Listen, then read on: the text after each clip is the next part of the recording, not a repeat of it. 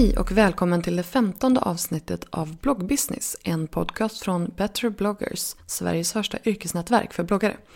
Jag heter Linda Hörnfeldt och eh, bloggar på lalinda.se och är grundare av Better bloggers.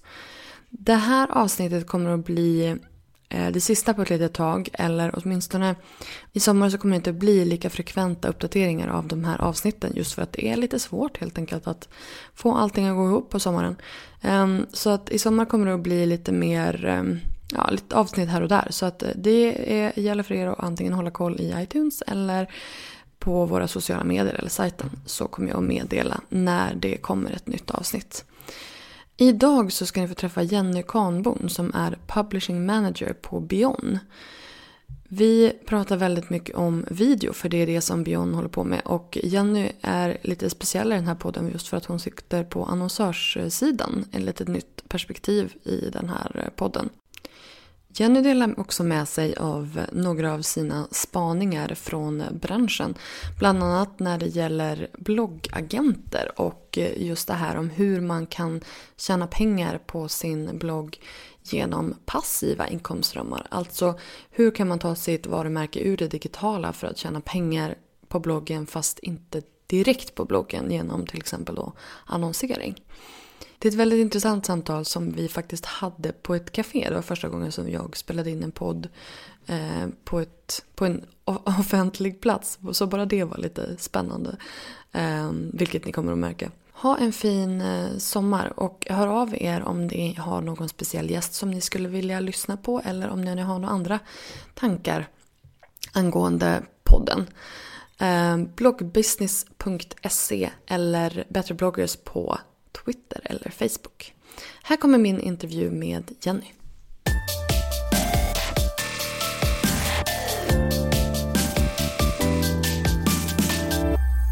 Ja. Hej Jenny! Välkommen Hej. till eh, Bloggbusiness. Hej Linda, tack så mycket. Hur känns det att vara här? Det känns eh, spännande. Ja, men, eller Min eh, poddpremiär här. Ja men vad, gud vad kul. Alltså, idag så sitter vi på eh, Scandic Klara och eh, gör den här intervjun i liksom lite så här live eh, i det riktiga livet helt enkelt. Det känns riktigt hemtrevligt skulle jag säga. Ja men vad, vad fint, ja. vad fint. Folk tittar lite underligt på oss men ja. det får man ju liksom leva med. Det är härligt att vara lite underlig tycker jag. Ja men jag gillar att du säger det för jag är ganska underlig. men alltså Jenny berätta, vem är du och vad gör du här? Ja, mycket bra fråga. Det frågar jag mig själv varje dag. Vem är jag egentligen? Nej, skämt åsido. Jenny heter jag. Eh, kopplingen till den här podden är väl att jag har jobbat med bloggar och bloggare i ganska många år nu. Jag eh, tycker att det är väldigt kul, väldigt kul eh, industri. Men min vinkel är väl att jag kommer från annonsörssidan. Intressant. Ja. Har du någonsin bloggat själv? Ja. Jag har ju en eh, lite halvdöd blogg på jennykanborn.se som uppdateras väldigt sporadiskt. Det handlar mycket om mina egenplanterade ekollon och katter och foton och sånt där. Det är som de Livet. flesta livsstilsbloggarna med andra ord. Ja, det kan Speciellt man säga. min. Kan man Inga ekollon, men uh, katter Jag kan rekommendera det, det är väldigt bra bloggmaterial. Ja, alltså jag, ja. jag såg en före, det här är en liten parentes, jag såg en, en föreläsning med Elsa Billgren på Vintersbloppisen. Mm. Och då visade hon en bild med liksom vad som är trendigt just nu och då var det de här ekollonen i vatten. Du menar att jag är trendig? Ja, du är lite trendig. Det är finaste någon har sagt till mig på hela veckan faktiskt. Varsågod, det var inte meningen. Jag får aldrig höra det annars. Ja, nej men nu har du lyckats bli trendig. Kul. Och det finaste är när man är trendig utan att veta om det, för då är man hipster. Gud.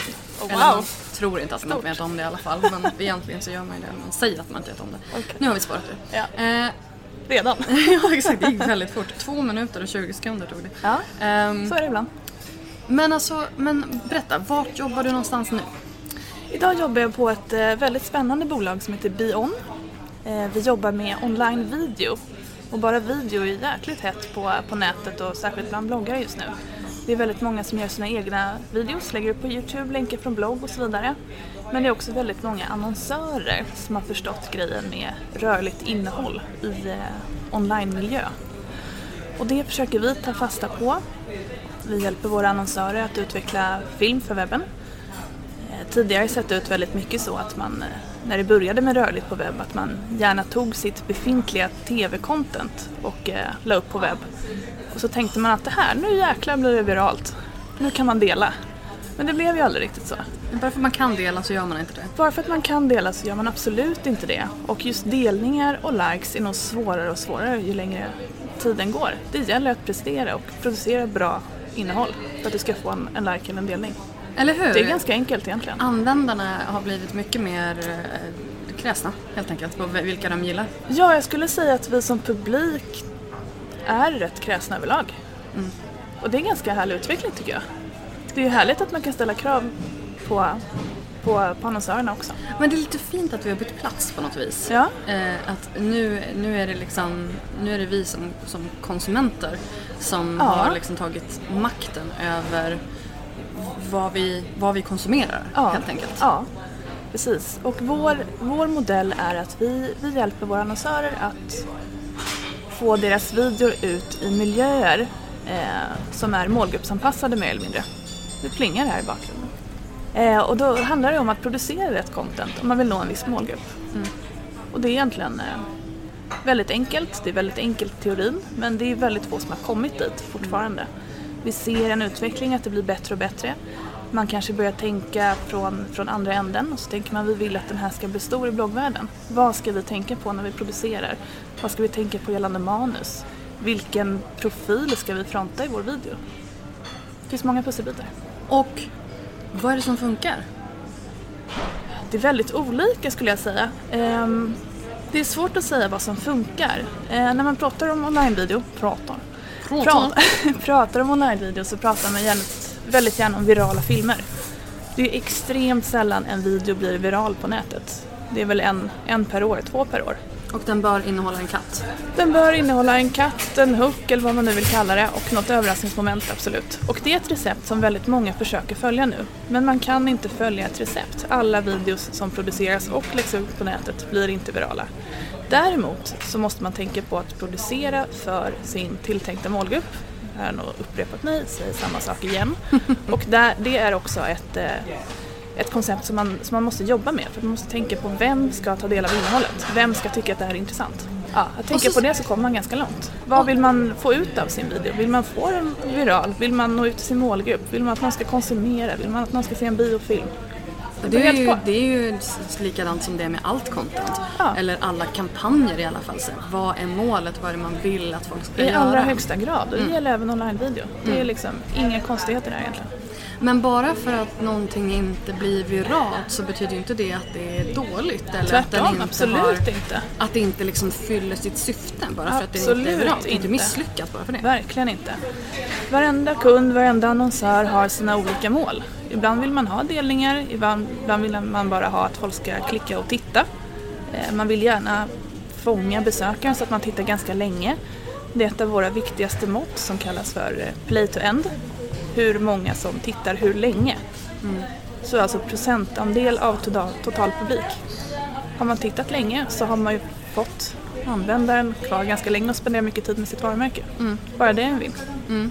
Och det är ju också ett ganska... Alltså video är ett väldigt, väldigt om det görs rätt, ett effektivt sätt att göra det. Mm. För att det är ju liksom någonting som, som har en början och ett slut. Mm. Kommer du in på en sajt eller någonting sånt där så kanske det, ja visst det finns artiklar som har ett början och ett slut. Men Mm. det är inte riktigt samma, det sugs ju inte in, man sugs inte in på samma sätt som man gör i en, i en video. Nej, det ser man ju bara på konsumerandet av Youtube. Det är ju flera år vi har suttit och bara klickat oss vidare. Film, film efter film efter film. Eller hur? Det är så här Youtube, eh, vad är den här spiralen som man bara så här glider Ja men precis, ra- längre rätt vad det är så har det gått fyra timmar. Vad har jag gjort med mitt liv? Kolla på Youtube. Ja, ja faktiskt. Det är det man har gjort. Ja. Alltså, jag satt på ett möte med United Screens, ett Youtube-nätverk, Mm. eh, härom, häromdagen.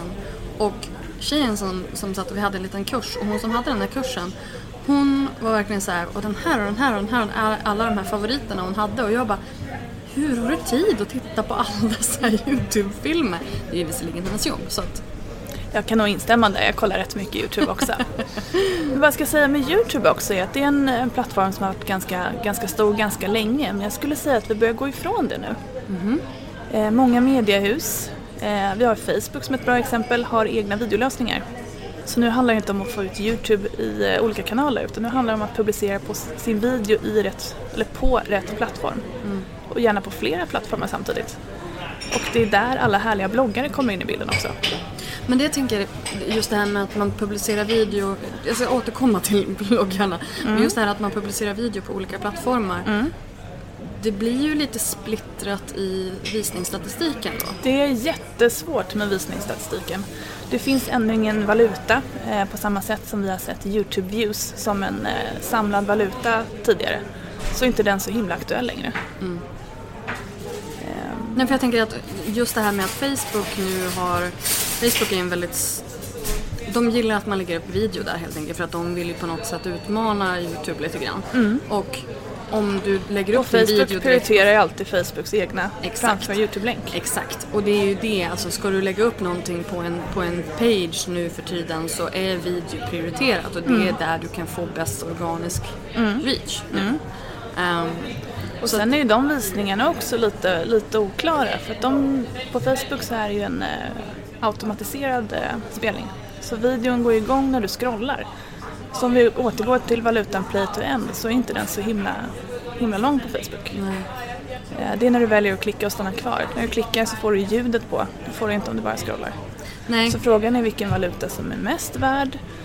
Eh, och det, det är sånt som man fortfarande Ja, håller på och pratar om. Det Det, är- ju det är på- så nytt och det beror ju återigen på vad du har för mål som Exakt. Vill du bara liksom så att varumärket ska synas eller någonting sånt eller vill du faktiskt skapa någon slags engagemang? Men vi ska gå in på den, den faktiska, de faktiska som lyssnar på det här, bloggarna. Hej bloggarna! Eh, hur, hur jobbar ni med bloggare?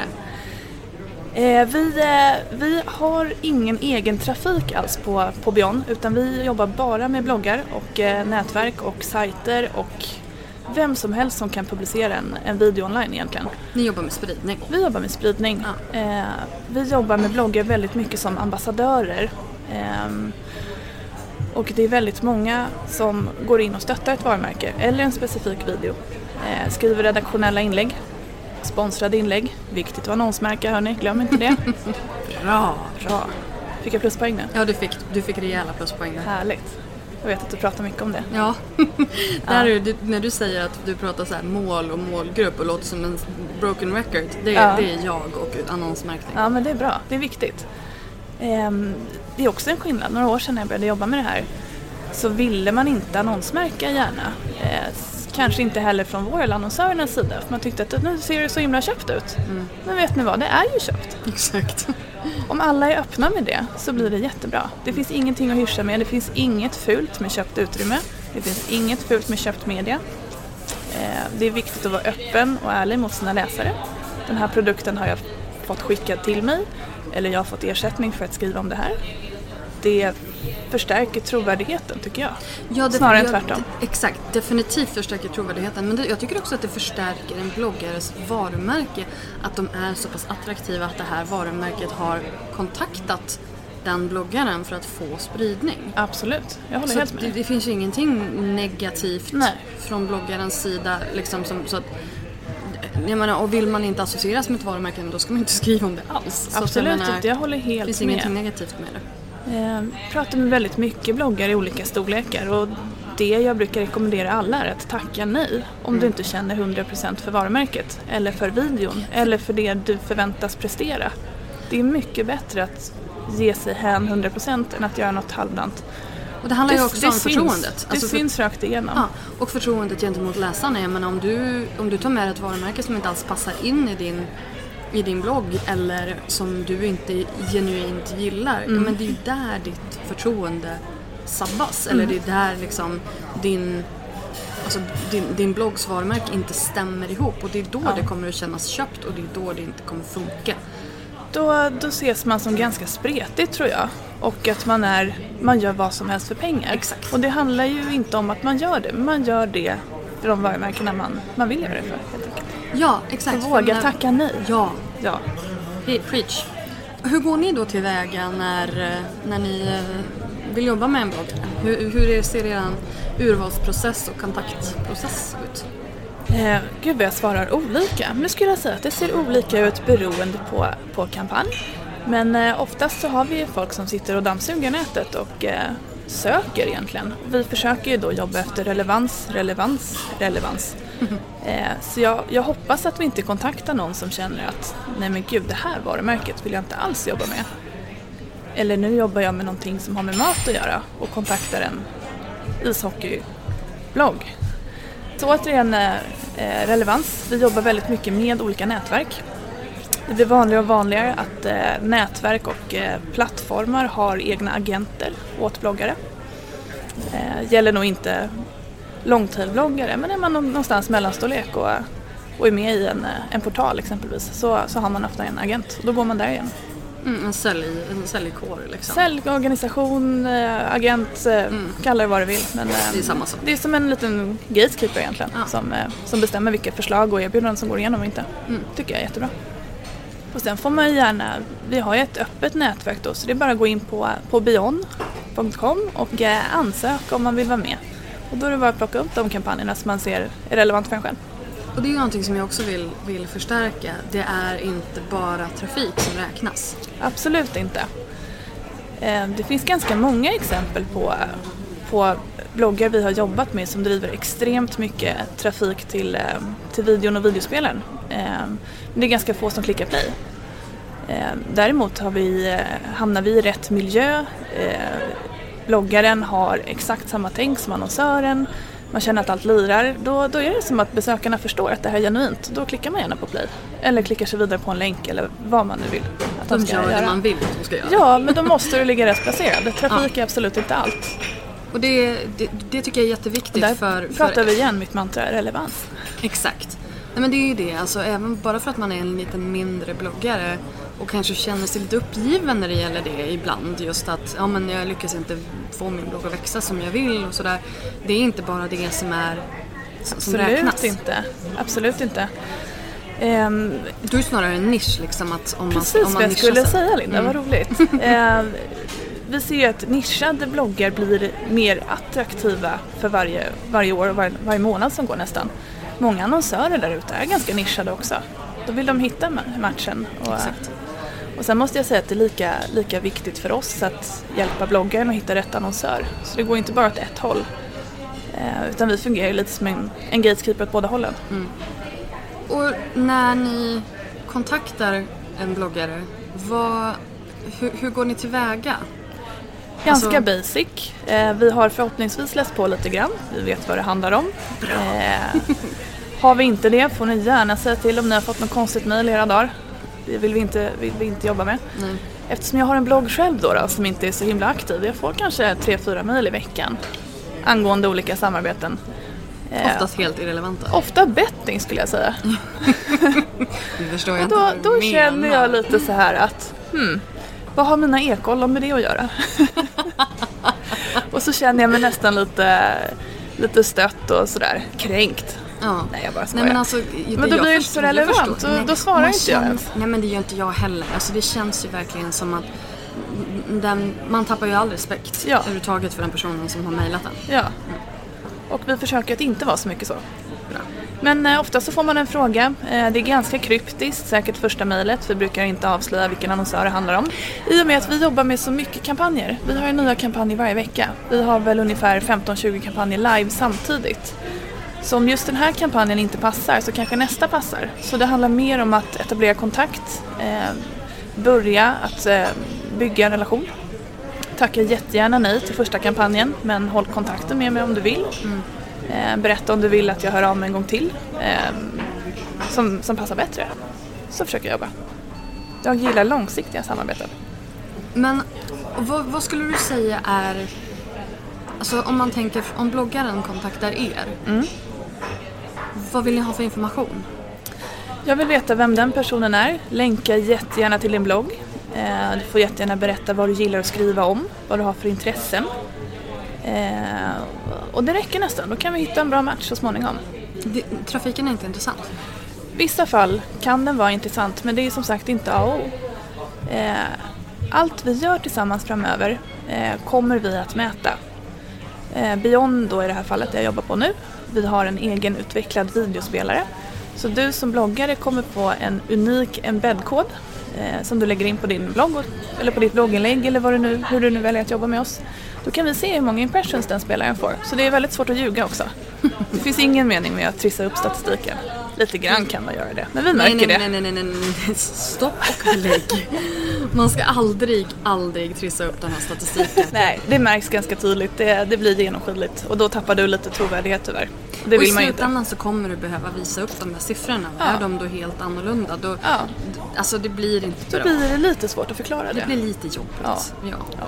Ja. Speciellt när det, i, i vissa fall som jag har sett, när det så här, skiljer 50 000. Och det är ganska mycket. Det är ganska Det är ganska stor skillnad. Och då man tror att man inte ska märka det när Ja. man, när man liksom mäter, för man mäter ju som sagt självklart en kampanj. Ja, man gör ju det. Och får man inte då den, alltså någon form av click-through, då är det klart att då är Jag skulle säga att eh, de få gångerna trafiken är viktig är när du som, som bloggare eller profil eller eh, ambassadör eller vad du nu vill kalla det för säljer med motiveringen eh, att jag har mycket trafik. Mm. Eh, jag kommer ta det här priset av dig för att jag har så här mycket trafik. Då vill jag gärna se det. Jag vill gärna att det ska matcha vår statistik då. Och det jag ser utifrån din prestation. Kan man, då, kan man kontakta er om man vill jobba med ett specifikt varumärke? Eller har ni, har ni liksom återkommande kampanjer? Eller är det, Vi har en hel del återkommande kampanjer. Eh, ofta återkommande annonsörer, men kanske med olika teman. Eh, vi har IKEA som ett bra exempel. Eh, gemensamma nämnaren är ju alltid möbler, men med lite olika vinkling. I alla alla hjärtans dag så har man någon eh, romantisk take på det hela. Eh, det kanske är, kanske är sommar och då är det ute, utemiljöer. Eller, så det går ju att vinkla rätt mycket. Är du kreativ och eh, får den här videon att passa in hos dig genom en kreativ vinkel på din text exempelvis så, så går det jättebra. Tycker du som bloggare att det här är relevant nog för dig så är det nog det. Precis. I de allra flesta fall i alla Man fall. måste liksom känna att det, här, att det passar in. Ja. Återigen. Ja. Men innan du jobbade på Beyond så jobbade du på Sanox. Mm. Ett uh, affiliate-nätverk. ja. Hur, hur, hur jobbade ni, eller du kan berätta lite grann först vad, det Ja. är för någonting, vad ni gjorde där. Affiliate-marknadsföring är ju prestationsbaserad marknadsföring. Väldigt vanligt inom eh, retail-segmentet exempelvis. Så det är väldigt många större klädkedjor och modehus eller modebutiker som, eh, som jobbar via affiliate. E-handel. E-handel, Ja. precis. Eh, och det är en eh, förlängd arm från deras egen säljkanal på, på nätet kan man väl säga. Eh, det handlar inte om att du smäller upp en webbutik på din blogg. Men det handlar om att du lägger en trackinglänk till ett visst klädesplagg som du exempelvis har på dig i din dagens outfit. När någon klickar på den här länken, kommer in på e-handelssajten och köper den här tröjan då som du har på dig, då får du provision för den. Väldigt effektivt för både blogg och e-handlare. Win-win kan man säga. Precis, och då får man vanligtvis mellan 10 och 15 procent. Det beror helt på segment och annonsörer. Ungefär 10, det är väl det man kan... 10 är ganska bra. Ja, ja det är det. Det är Ja, så. Mm. ja. Det beror lite på. Sen har vi då mycket hemelektronikkedjor som jobbar också. Där kan man förvänta sig lite lägre provision. Det är de har, inte har det är samma- marginaler det handlar om. Och Exakt, de sådär. har inte alls samma marginaler Nej, som kläder precis. Så det, det är väldigt olika. Mm. Ehm, är du intresserad av lån så kan man ju förmedla lånekontakter också. Det är ganska bra det är ganska marginaler. Bra hur, jobb, hur, hur jobbade du med bloggare där? Jag försökte få mycket återkommande samarbeten då. Ehm, Det här var ett par år sedan och det var skulle jag säga modebloggarnas liksom, Prime. superera, prime time. Eh, Så de flesta la ju ändå upp dagens outfit. Så varför inte göra det med lite trackinglänkar? Eh, ser det fortfarande hos de största bloggarna. De jobbar fortfarande med samma länkar och det är jätteeffektivt. Men eh, har du Och sett att nu för tiden så. så annonsmärker man ju jättetydligt de här sponsrade affiliate-länkarna också. Det Ja. var man inte så duktig med. Kinsa har ju börjat skriva tid, adlinks ja. bakom det. Ja, hon är en influencer i ordets rätta bemärkelse. Om hon börjar med någonting så hakar väl, hakar väl folk på. För nu har jag sett mer, fler och fler göra det. Ja, härligt. Tycker att det är en härlig utveckling. Och det är samma sak där. Det är inget pinsamt eller skämmigt att, eh, att jobba med, med spons alls. Alltså du vet, jag läste, det var någon som hade skrivit på någons blogg att, eh, ja nu tycker jag att det börjar bli lite mycket sponsrade inlägg här på din blogg. Och jag Mm. blev på riktigt irriterad. Därför att det var inte ett inlägg överhuvudtaget som, liksom, som stack ut eller som var så här, som inte passade in. Utan det var bara att det var sponsrat. Det hade lika gärna kunnat vara ett icke-sponsrat inlägg. Mm. Men den här läsaren blev bara irriterad för att bloggaren tjänar pengar. Och då blir jag så här, men vad är du för missunnsam liten jobbig person liksom? Vet du vad, jag tror att det har sett ut så hela tiden men att- man nu har blivit så duktig på att annonsmärka allting. Ja. Så det är nog ingen skillnad. Nej, men det jag menar är varför man som läsare inte kan unna Jag vet inte faktiskt. att Det, faktiskt det tjäna kanske är att man har lite dålig insyn på hur det fungerar och hur man tjänar pengar som blogg. Eh, lägger man väldigt mycket timmar av sitt dygn så är det självfallet att man ska ha ersättning för det. Mm. Om man kan. Om man har lyxen att kunna få det. Jag tycker att som bloggare så, så uppmanar jag till att typ skriv, skriv ett inlägg om hur du tänker när du gör sponsrade inlägg. Det är jättebra att göra det. Och, liksom, och hänvisa till det ifall det är någon som undrar. Så att, så att det faktiskt finns så här, så här tänker jag kring det här. Jag kommer aldrig lägga upp någonting som jag inte gillar. Etc, etc. Och så just det här att ja, men jag får ingen så här 100 000 kronor. Eller vad, vad, alltså, vad, vad man nu känner själv. Skriv ett inlägg om hur du tänker kring att ta betalt för inlägg. Så, så för allting handlar ju om transparens mot, mot, din, mot din läsare. Liksom. Absolut, och det underlättar ju för, för oss som dammsuger internet var och varannan dag också. Eh, och ännu bättre ett, än ett inlägg är väl att göra en egen liten flik. Eh, Exakt. Så här, PR och samarbeten. Absolut, och det är heta. jättebra. Jag har sett ganska många som skriver att jag vill absolut inte bli kontaktad gällande sponsrade inlägg. Det är toppen, då slipper de oss. Exakt. Perfekt. Ja. Nej, men det, och det, jag tycker att det är jättebra både, både gentemot annonsörer och gentemot, sina, sina läsare. För att, jag, jag säger det igen, alltså ens, ens trovärdighet och förtroendet som läsarna har för en, det är allt man har. Det är den enda valutan man har. Helt sant. Har man inte det så, så har du liksom ingenting. Håller med. Och samtidigt kan man ju också berätta vad man är intresserad av för samarbeten. Om man, om man själv vet det. Ehm, eller om man är mottaglig eller om man har en prislista kanske. Du får göra precis som du vill. Mm. Men var tydlig och eh, framförallt för dina läsares skull. Men hur känner du att, att eh, liksom bloggosfären har förändrats den senaste tiden när det gäller just, just det här med att tjäna pengar? Jag har en liten spaning. Jag gillar Eh, spaningar. Ja. Jag skulle säga, det finns ingenting som underbygger det här utan det är min egen lilla, lilla teori faktiskt. Så du får gärna rätta mig om du tycker något annat eller så kan vi diskutera det. Det blir spännande. Lite IRL-diskussion här. Precis. De sker ju alltid på Twitter, det var länge sedan jag diskuterade IRL. eh, tidigare så jobbade man mycket mer med eh, portaler och portalerna drev trafik till sig själva via ambassadörer. Eh, ambassadören blev alltid Petra på Metro Mode, eh, Linda på Devote, nu bara hittar jag på massa namn, ni, ni förstår vad jag menar. Nu tycker jag att man tänker på att behålla sitt eget varumärke och inte fronta portalen lika mycket som man gör. Ehm, Det är väldigt vanligt att man, man byter portal. Eh, Man behöver inte vara särskilt lojal mot sin portal. Man kanske vill vara det men man kommer alltid få något bättre erbjudande någon annanstans ifrån. Och det ser att man vill ligga som, som enskild sajt. Man vill fortfarande heta jennykanborn.se och inte at portalensnamn.se. Man ser sig själv som en individ och ett, ett varumärke åt sig själv. Och portalen ska jobba som agent åt dig snarare än tvärtom. Jag håller med. Jag håller med. Du gör det? Ja men jag gör det. Härligt. Jag gör det. Jag tror att, jag tror att och det där, där finns det ju någon slags så här magisk gräns när det här sker. Mm. Ehm, för att jag tror att många mindre bloggare kanske fortfarande liksom stödjer sig på att ja men nu har de blivit Absolut, av nu, nu kanske det lät lite tokigt men jag har ingenting emot portaler alls. Eh, Jag tror att en portal kan vara men- jättebra för en kanske lite mindre blogg som vill driva upp trafiken och de jobbar ju mycket med topplistor och mest kommenterade och mest likade och senaste inlägg och så vidare. Det är ett jättebra sätt att få in trafik. Eh, Som en bra stöttepinne och det är väl en win-win för båda parter. Men när du väl är uppe i de, de nivåerna där du själv blir ett eget varumärke då tror jag att man vill hålla sig där. Eh, I alla fall i högre grad än vad man ville tidigare. Jag tror att det var Klara eh, som sa att hon hade ju legat på egen eh, underbara Klara alltså. Nu, nu så här, jag tar inte gift på det här för jag är inte helt säker på att det var hon, men jag tror det. Ehm, som sa att hon hade legat på egen portal men sen hade det liksom blivit hon fick lägga så himla mycket tid på att sälja Mm. och att sköta alla de här samarbetena och hålla på med, med ehm, banners och allt vad det var för någonting. Så till Mm. Det slut, så gick heltidsjobb bara hon, det.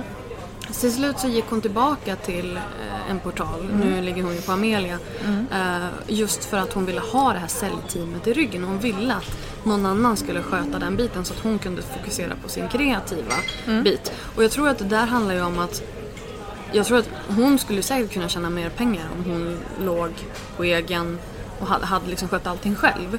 Eh, och inte Amelia kom in och, och tog en del av kakan. Men det är ju no, det är liksom en avvägning man får göra ifall man vill lägga så pass mycket tid på den biten eller om man vill att någon annan ska sköta det åt en. Det är ju, Amelia är ju ett säljbolag åt henne liksom. Absolut, det är lysande. Och där kommer min nästa spaning egentligen. Som jag tror kommer hända. Eh, som man ser kanske lite tendenser i USA och England och sådär som ligger lite före oss i, i sälj och, och teknik och mm, digitalisering och monetarisering och allt, allt vad det är, nya grejer. Eh, och där tror jag agenterna kommer in som en extremt viktig roll. Eh, man kan fortfarande tillhöra en portal eller ägas av ett, eller ägas, samarbeta med ett säljbolag eh, som jobbar åt dig för att hitta intäkter och hitta kreativa samarbeten. Men jag tror inte att du behöver ligga med din domän på portalen. Så länge du ingår samarbete med rätt personer som du känner är rätt för dig och hjälper dig att växa och eh, dra in pengar. Så att du slipper tänka på det. Det är ju som precis som för typ idrottsstjärnor eller skådespelare eller Precis kändisar så. eller vad det nu är för någonting. Att det kommer in, det finns ju några stycken till exempel Perfect Day Media är ju en alltså, som, som har Mm. Precis då. som, som jätteduktiga. skapar liksom en, en talangagentur. Precis så. Typ. Det tror jag kommer hända i bloggvärlden. Ganska snart. Mm. Nej men det ser jag ju redan Mm. att det händer. Eh, och jag har ju varit lite involverad där själv också. Mm. Eh, just det här att man har sina profiler och så utgår man ifrån dem. Så det är snarare det att man säljer profilerna snarare än att man säljer kanske bara rena siffror. Mm. Jag håller helt med. Vad ser du mer för spaningar från The Americas? För att jag känner att de ligger ju mycket mer före. Jag pratade med Linnea Isaksson på Veckorevyn om det här bland annat och hon sa att ehm, just det här att, att bloggarna skapar som små mediehus runt sig själva. Eh, att de lägger in alla sina kanaler, att de skapar passiva inkomstströmmar, att de, att de gör mycket mer med sitt varumärke än bara en blogg.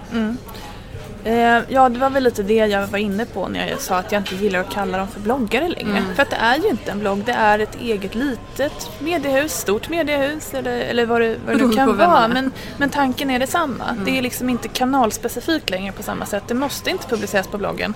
Instagram som är extremt svårmätt naturligtvis, det är väldigt svårt att få ut hårddata. Men det säljer faktiskt. Man ser likes, eh, man ser att folk kommenterar, man ser att folk gillar eller ogillar. Och det är ganska transparent medium fortfarande. Och jag tror att det är dit vi är på väg. Icke kanalspecificerat. Ja, Eh, på samma sätt som att man kanske använder sin YouTube-kanal, eh, producerar sponsrade egna videos. Att du sitter med en produkt som du testar de är eller... dock inte lika tydliga. De är lite, De är lite kluriga. luriga fortfarande. Ja, Åtminstone, det är de nog. man ser ju tydliga, alltså vissa videos som jag ser eh, som amerikanska youtubers gör Mm. är så himla tydligt eh, att det är pla- inplacerade produkter som de har fått betalt för. Men att det inte riktigt är så tydligt som man skulle önska. Nej. Så att gör man sponsrade videos, det är samma sak som gäller där. Var Absolut. tydlig. Absolut.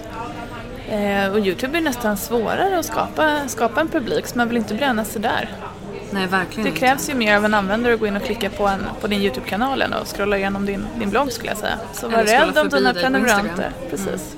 Men samtidigt så, och det här är också någonting som jag har pratat väldigt mycket om att Självklart så ska man hålla sig, man ska, man ska synas på alla de här andra kanalerna och video är jättestort och man ska göra video ifall man känner sig bekväm med det.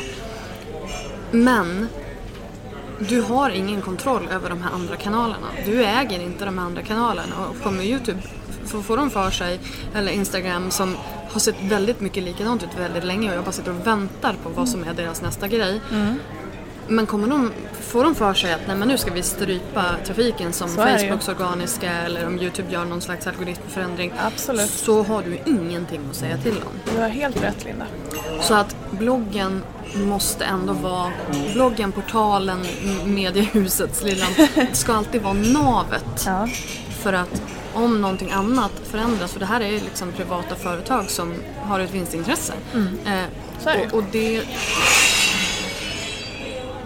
Oj. Background noise. Och eh, där, är det, där är det så himla viktigt att, liksom, att man tänker på att har du en YouTube-kanal, skitbra, men lägg videosarna på din blogg också. Så att du ska alltid ha din domän, du ska alltid ha den fasta punkten där du, där du kan återhämta dig, vad man ska Absolut, säga, om det skulle absolut. skita sig på de andra kanalerna. Det är väl egentligen som allt. Tänk med backup. Ja. Spara allting överallt. Lita inte på, lita inte på någon. Lita inte på någon. Everybody's bad guys. Men du, vad tror du händer med Instagram efter eh, annonseringen nu som det snackas om? Good lord alltså. Eh, Kommer det bli ett eh, lika mysigt medium som det är nu? Jag älskar Instagram, jag tycker det är så himla hemtrevligt. Jag sitter och scrollar flera gånger om dagen och bara kan fastna. Kommer det bli så mysigt med annonserna? Nej, alltså, eller så här. För det första, för er som inte vet om det så kommer ju Instagram att rulla ut eh, annonseringar ganska omgående. Mm. Och det här kommer ju vara då annonsering som kommer att komma i ens flöde, eller hur? Som Ja, en liksom liten annonsbild, precis, och som alla som jag har andra. förstått det så kan man ju då köpa någon slags panoramaannonsering då där man som annonsör kan lägga upp fyra, fem bilder åt gången då så man kan scrolla höger och vänster och, Okej. och, Och försöka hitta någon man- helhet där. Där kommer man också kunna länka. Där kommer man också kunna länka, ja. det Ja. har helt rätt. Och det kan man ju som sagt inte, det vet ju alla, att man kan inte länka Mm. i en Instagram-bild. Link in my bio. Exakt, exakt. Eller att man kan skriva adressen där uppe där, där man har så här plats eh, eh, där det står liksom vart man checkar in i vanliga fall. Men där, där man är det väldigt man vanligt ändra. att man annonsmärker nu också. Ja, det här har jag är en sponsrad. Exakt. Är det okej? Det beror på om man ser den eller inte. Det ser ju fint ut men eh, det blir ju lite tokigt. Alltså, Eller blir det det? Alltså, I alla fall jag tycker, märkt. att, jag tycker att, ja precis, det är i alla fall utmärkt. Jag kan tycka att det är helt okej. Mm. Ehm, eftersom att det är ganska lite, liksom, man, kan, man kanske inte vill göra jättemycket text. En lång text där, där under. Nej. Eh, men jag kan tycka så här att i samarbete med bla bla bla, gör jag nu, bla bla bla. Alltså jag menar jag tycker inte att det behöver vara så intrusive. Man behöver inte skriva så här sponsrat inlägg med stora bokstäver. Mm. Nej, man behöver inte skriva Utan man folk på näsan. Nej precis, det. utan man behöver bara skriva så här i samarbete med så gör jag nu det här. Mm. Ehm, jag tycker att det är, det är mycket bättre än att typ ha en sån här klipp och klistra text. Mm. Många gör ju en sån här klipp och klistra text när man har, ehm, gör ett sponsrat inlägg. Jag ska inte nämna några namn för jag har redan hamnat i skiten på grund av det här. Men ett väldigt känt glassmärke Mhm. eh, gjorde en sponsrad kampanj och eh, då var det väldigt många stora instagrammare som, som då har exakt samma text. Så då är det liksom klipp och klistra och det är en hashtag som ska användas och det är hit och dit. Och det, det, det syns ju att det är köpt men det var inte utmärkt. Det Nej. stod ingenstans att det var Det är sponsrat. bara konstigt att alla har samma text samtidigt. Och det blir, lite, Vilken det, slump, det va? blir väldigt köpt Ja, i det och med att du inte ens får bestämma själv vad du ska Ja. skriva. Liksom. Nej men det blir, det blir ju galet också. Det såg jag också mycket mer förr. Det låter som förr var för 15 år sedan, men vi kanske snackar tre år sedan. Ja. Det är ganska lång tid i eh, online-videovärlden som är ganska ny, nytt som media i alla fall. Men då, då var det väldigt fyller tio vanligt. år. Ja, Men det betyder inte att folk har fattat hur man tjänar pengar på det. nej precis, precis. Ja nu kom jag av mig. Men då ville, Förlåt. då ville man ofta att, eh, att exakt den här texten vill jag att du skriver i ditt blogginlägg om du vill att jag ska sponsra dig. Mm. Men det funkar ju inte, det blir precis som, precis som du säger. Eh, man kan, man kan hjälpa till och skicka underlag att det här handlar kampanjen om och sen så vill vi att du skriver om den med dina egna ord då, så, så att du känner att du kan stå bakom. Ja, för att jag menar om du klipper och klistrar texter. Instagram är väl inte liksom så farligt men gör du det i en blogg och så sen finns samma text på många andra sajter, exakt Mm. samma text. Då kommer ju Google att värdera din text lägre i och med att det verkar som att du kopierat den från någon annan helt enkelt. Mm. Vad är det det kallas? Vet inte. Det är duplicated content va? Tror jag. Ja. Ja, ifall man vill googla på duplicated content så, Googla så, det. tror, så tror jag att det kommer finnas en massa grejer där. ja. Men eh, stå alltid bakom och skriv alltid era egna texter. Summa Precis. summarum. Summa summarum. Ja. Och Det här tror jag att många, många redan har koll på. Det tror jag också. Men vad kan man göra mer? Ifall man, ifall man, har, man har sin blogg, man Mm. har sin Instagram, man har sin YouTube. Vad kan man göra mer för att tjäna pengar på sitt lilla mediehus? Och jag tror att ehm, integration och att kanske ta, ta sitt eget varumärke ur det digitala är också ett nästa steg. Jag trodde aldrig jag skulle sitta och säga att man ska gå ur, från, ur det digitala. Jag älskar internet, jag älskar det digitala. Eh, men jag tror Man ska ut i att... köttrymden. Ja, köttrymden, vad nasty det låter. Ja, jag vet. Lite äckligt. Men det är roligt. Man kanske um, håller events, man håller eh, ja, konferenser som jag vet att du är lite inne på. Ehm, man kanske frontar en eh, butiksöppning eller designar kläder åt ett e-handelsbolag eller ett fysiskt eh, eh, varumärke. Ehm, man, ser, Föreläser på olika ställen. Man är... man ser till att, att vara där publiken är också och inte bara digitalt. Och det Det är, ju... det är ganska svårt tror jag. Jag tror att du måste vara en viss storlek för att få, få den chansen. Naturligtvis. Men om vi pratar om de som är lite större och när vi säger lite större så är det ju oftast tyvärr trafik vi pratar om fortfarande. Eller liksom, eller, eh, kännedom. Och det här handlar ju också väldigt mycket om vad man har för nisch. För har man en, är man väldigt nischad i det man gör och är väldigt bra på det och producerar bra Det här beror ju som sagt helt enkelt på vad Mm. Ja. man ska göra för någonting. Ja. Är du en bakbloggare, men då kanske du kan göra då kanske du kan skriva artiklar för en baktidning. Du Absolut. kanske kan frilansa på det sättet. Eller du Absolut. kanske kan göra en bakbok. Ja, ja. Eller du Absolut. kanske kan eh, stå på ditt eh, lokala ICA och... inte vet jag. Men alltså Dela liksom, cupcakes. Ja men precis. Eller vad är det som är trendigt nu i bakvärlden? Eh, Åh gud, jag är ju ingen bakare.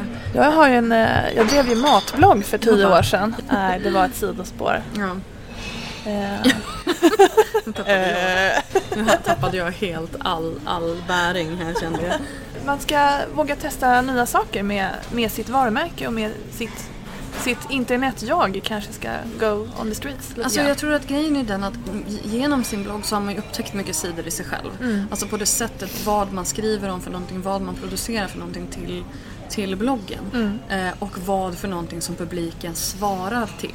Oh, ja. Eh, så vad kan du plocka ur, ur det eh, och liksom skapa en produkt som du kan sälja eller liksom ett, litet- ett sidospår som, Mm. du kan, som du kan spinna vidare på som inte är direkt kopplad till bloggen. Mm. Men här, här har vi ju jätte, jättemånga exempel eh, som till exempel, jag menar Gunilla Klara hon skriver ju böcker, hon föreläser och allt vad det är för Mm. någonting. Alltså Therese Alvén som är eh, träningsbloggare, Mm. hon eh, är ju PT, hon har också skrivit böcker. Det är väldigt många liksom sådana där sidospår som man kan, som man kan ta vidare. Mm.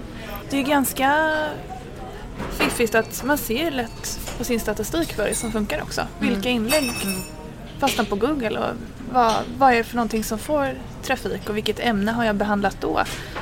Eh, jag själv märker ju att när jag har lagt upp ett recept exempelvis, det klickas ju flera år senare. Mm. Ganska mycket också.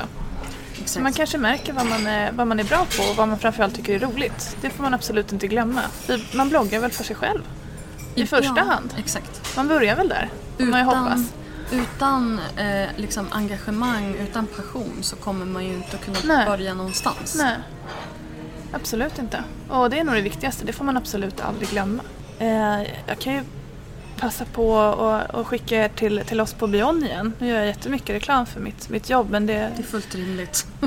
vi, vi gör eh, roliga grejer och jag hoppas att vi kan göra det tillsammans med, med er också. Så gå in på beyond.com eller googla mig kanske så, så hittar ni mina kontaktuppgifter. Så Så hjälper jag er liten- jättegärna att komma igång. Det finns en liten länk i beskrivningen också till den här podden där man kan Härligt. leta åt dig. Härligt! Tack snälla Jenny för att du kom och var med oss. Tack. Linda, det var trevligt. Du har precis hört ett avsnitt av Bloggbusiness, en podcast från Better bloggers. Podcasten hittar du såklart på iTunes och på bloggbusiness.se. Vi finns även på Facebook, på Twitter och på Instagram, at betterbloggers. Lämna gärna en kommentar med vad du tyckte om intervjun eller kanske lämna ett önskemål om en framtida gäst. Tack för att du har lyssnat. Ha det bra. Hej då!